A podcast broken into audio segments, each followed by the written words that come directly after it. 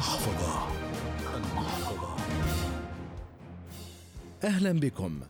تشكل فاتورة الكهرباء جزءا لا بأس به من المصروفات المنزلية الدورية التي من الممكن أن تصبح في فصل الصيف عبئا كبيرا من الناحية المادية حيث يزداد الاعتماد على مكيفات التبريد. ومن الممكن أن تستحوذ هذه المصاريف على احتياجات أخرى أنت أولى بها. وإذا أمكن شطب هذه المصاريف من حياتك عن طريق الاعتماد على استغلال الشمس لتوليد الطاقة حتى من الممكن أن يعود عليك بأرباح فأنت ستكون فعلا الرابح الأكبر. إذا قررت أن تعتمد على الطاقة الشمسية بتركيب نظام للخلايا فخلال سنوات قليلة ستستعيد ثمنه.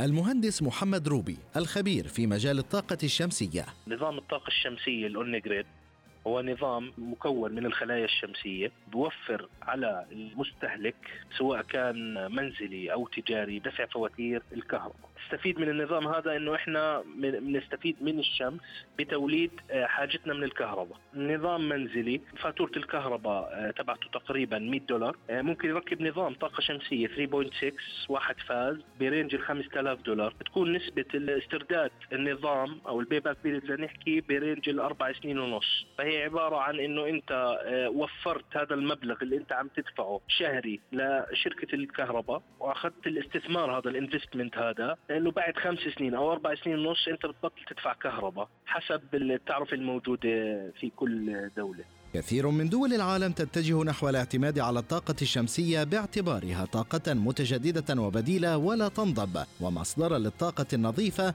وصديقة للبيئة. والدول الأوروبية أصبحت تدعم من يركبون أنظمة شمسية توفر على الدولة والأشخاص على حد سواء. وأيضا إذا كان هناك فائض جراء توليد الكهرباء فإن الحكومة تشتري هذا الفائض لتشجع هذه الأنظمة. المهندس محمد روبي الخبير في مجال الطاقة الشمسية دول أوروبا كلها تقريبا تيجي بتحاسب أي شخص مركب نظام طاقة شمسية وبوفر في الاستهلاك وعم بيزيد من استهلاكه فائض عم بيحاسبوه على تعرفة عالية لل kilowatt hour الواحد صفي له كمان استثمار بوفر ما بيدفع واستثمار عم بدخل له مدخول دخل ثاني يعني. في آخر المطاف هناك فرص تتاح للجميع أن يستفيدوا من هذه الخصومات التي تمنحها لهم الطبيعة وأن يوفروا على أنفسهم. بالنهاية أنت أدرى فقرارك بين يديك. المحفظة.